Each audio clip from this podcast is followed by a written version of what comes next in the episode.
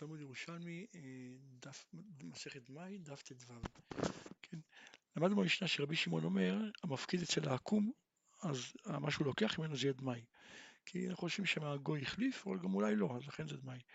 אמר רבי חייא ברבון בשם רבי יוסף בן חנינה, לא אמר רבי שמעון, אלא כדי קופתו של עקום.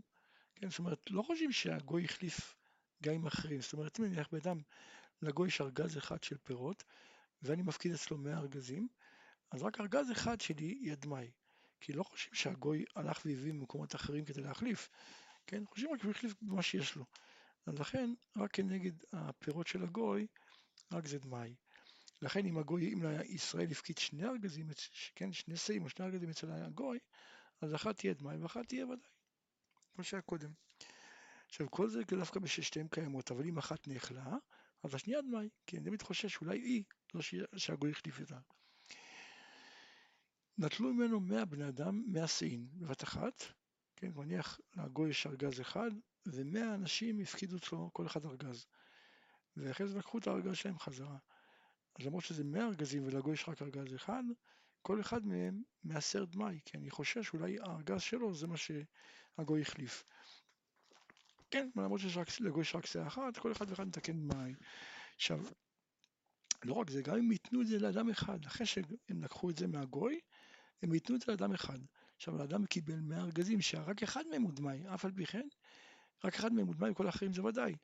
אף על פי כן, הוא יצטרך להסר מכל אחד ואחד דמאי, כן? כי כבר נראו אה, להתחייב דמאי.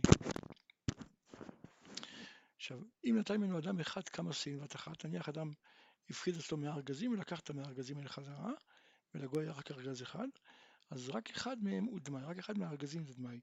עכשיו, ולא רק זה, גם אם הוא ילך ויחלק את זה למאה בני אדם, כן? הוא יחלק את זה לבני אדם, כן? אז אה, כבר נראו לראות ודאי, כן? אז, הוא, אז הם פטורים, רק על אחד מהם חייבים, והם פטורים כיוון ש...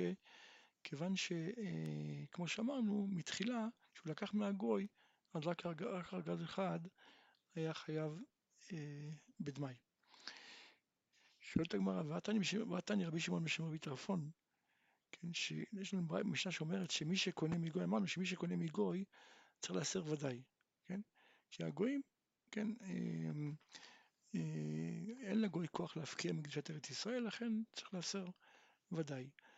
עכשיו, אבל אם ישראל הפקיד אצל הגוי הזה קופה אחת, כן, ואחרי זה הוא חזר ונטל אותה, אז הפירות של הישראל שהיו אצל הגוי גרמו שכל הפירות של הגוי הם דמאי. ועכשיו מי שעכשיו יקנה ממנו, צריך להפריש דמאי. אז לכאורה משמע שאפילו אם לגוי היה הרבה, כל הפירות של הגוי נעשים דמאי. באמת הגמרא לא... כן, אז לכאורה קשה, למה אתה אומר שרק כנגד, כנגד פירותיו של הגוי? אומרת הגמרא לא. עוד אי לא אמר בשמונה עד כדי קופתו. כלומר, גם כאן הישראל עושה חלק מהפירות של הגוי דמאי עד כדי קופתו של הישראל. לא יותר מזה.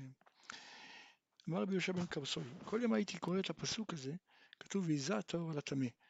והייתי בטוח שהכוונה טהור אחד, מזל טמא אחד. עד שלמדתי המאוצרה של יבנה, כן, למדנו ברייתא, אוצר שישראל ועקום מטילים לתוכו, כן, מחסן פירות שישראל וגוי מכניסים לתוכו, אז אם רוב עקום, אז זה ודאי, כן, הולכים אחר הרוב, אז צריך להפריש תבן, כן, תבן ודאי. ואם רוב ישראל, מפרישים דמאי. מחצה על מחצה, מפרישים, אה, כן, מחצה על מחצה, זה כמו ודאי. זה דברי רבי מאיר. ואחרים אומרים, אפילו כולו עקום וישראל אחד מטיל לתוכו, זה דמאי. אז רואים מכאן, אדם אמר, טהור אחד, מזל כמה טמאים. הנה, ישראל אחד הופך את כל הפירות של הגויים, כן, לדמאי. שואלת הגמרא, ועתנינא, אם הפקיד אצל נוכרי, אז כפירותיו, כן? פירותיו שהם תבל ודאי. עכשיו, למה לא אומרים שפירות הישראל יוציאו את הפירות של הגוי מחזקת תבל, כלומר אפילו אם הגוי החליף.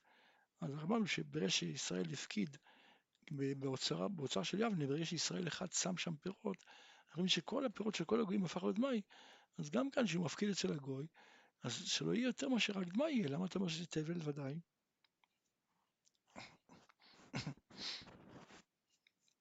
כן?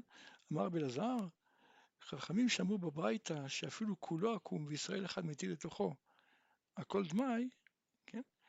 הם בשיטת רבי שמעון, שסובר שיש קניין לגוי להפקיע מן המעשר.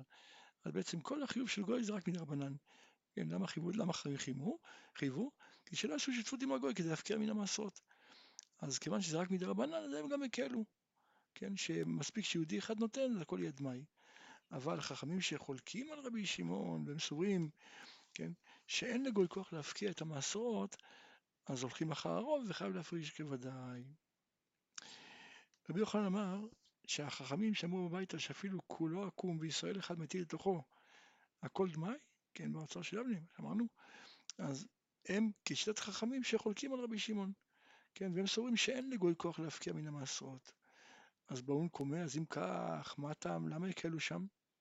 כן? אם אתה אומר שאין כוח להפקיע, זה הכל זה, אז למה, למה יקלו? הרי לכאורה צריך ללכת אחר רוב, צריך להיות אה, חייב להפריש ודאי, כן?